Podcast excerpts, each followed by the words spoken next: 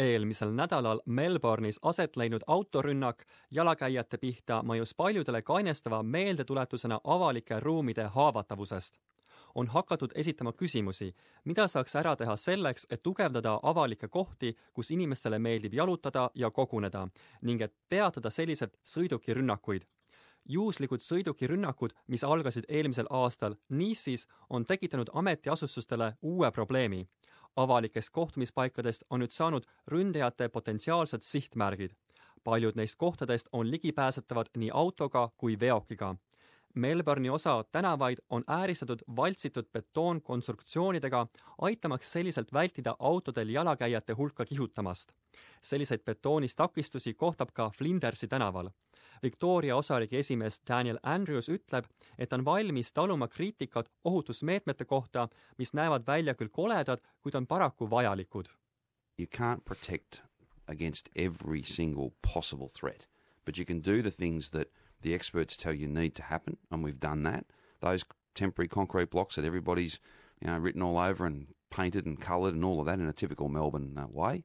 Uh, I've been happy to be criticised for that. Frankly, that was what was needed to be done möödunud aastal on suuremad linnad üle kogu riigi hakanud üha enam avalike ruumide ümbrusesse paigutama betoonist takistusi.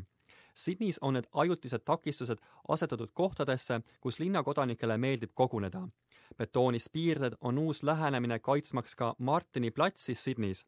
samuti on sinna paigutatud ajat-, ajutisi piiranguid. see on avalikkuses esile kutsunud vastakaid reaktsioone I think it's great for the public safety where they, at least they stop the cars from coming in. It's very important because it's the incident. You can't predict it where it happens, especially near the pedestrian crossings and stuff. Only if there's uh, lots of people around, you know, like a shopping center or like that. But we can put the, this kind of barrier everywhere, so that's not reasonable.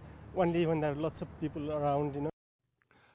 Douglas Tompkin on Sydney ülikooli uurimismeeskonna liige, mis töötab ametiasutustega koostöös sõidukirünnakute ennetamiseks. ta ütleb, et New South Walesi politsei on läbi viinud eksperimente katsetamaks linnakeskkonna vastupanuvõimet. They're testing these, these large bollards, they're, they're driving um, vehicles into them at high speed to see what happens. Um, there'll be many tests on many different types of bollards in, in the very near future kuid peaminister Malcolm Turnbull on hoiatanud selle eest, et ei tasuks liiga palju usaldada neid betoonist barrikaade. Ta ütleb, et kuigi ei ole võimalik igat rünnakut ennetada, teeb föderaalvalitsus omalt poolt kõik, mis vajalik, et iga austraallane saaks end turvaliselt tunda. You cannot protect every crowded place uh, from every vehicle, every street crossing, for example.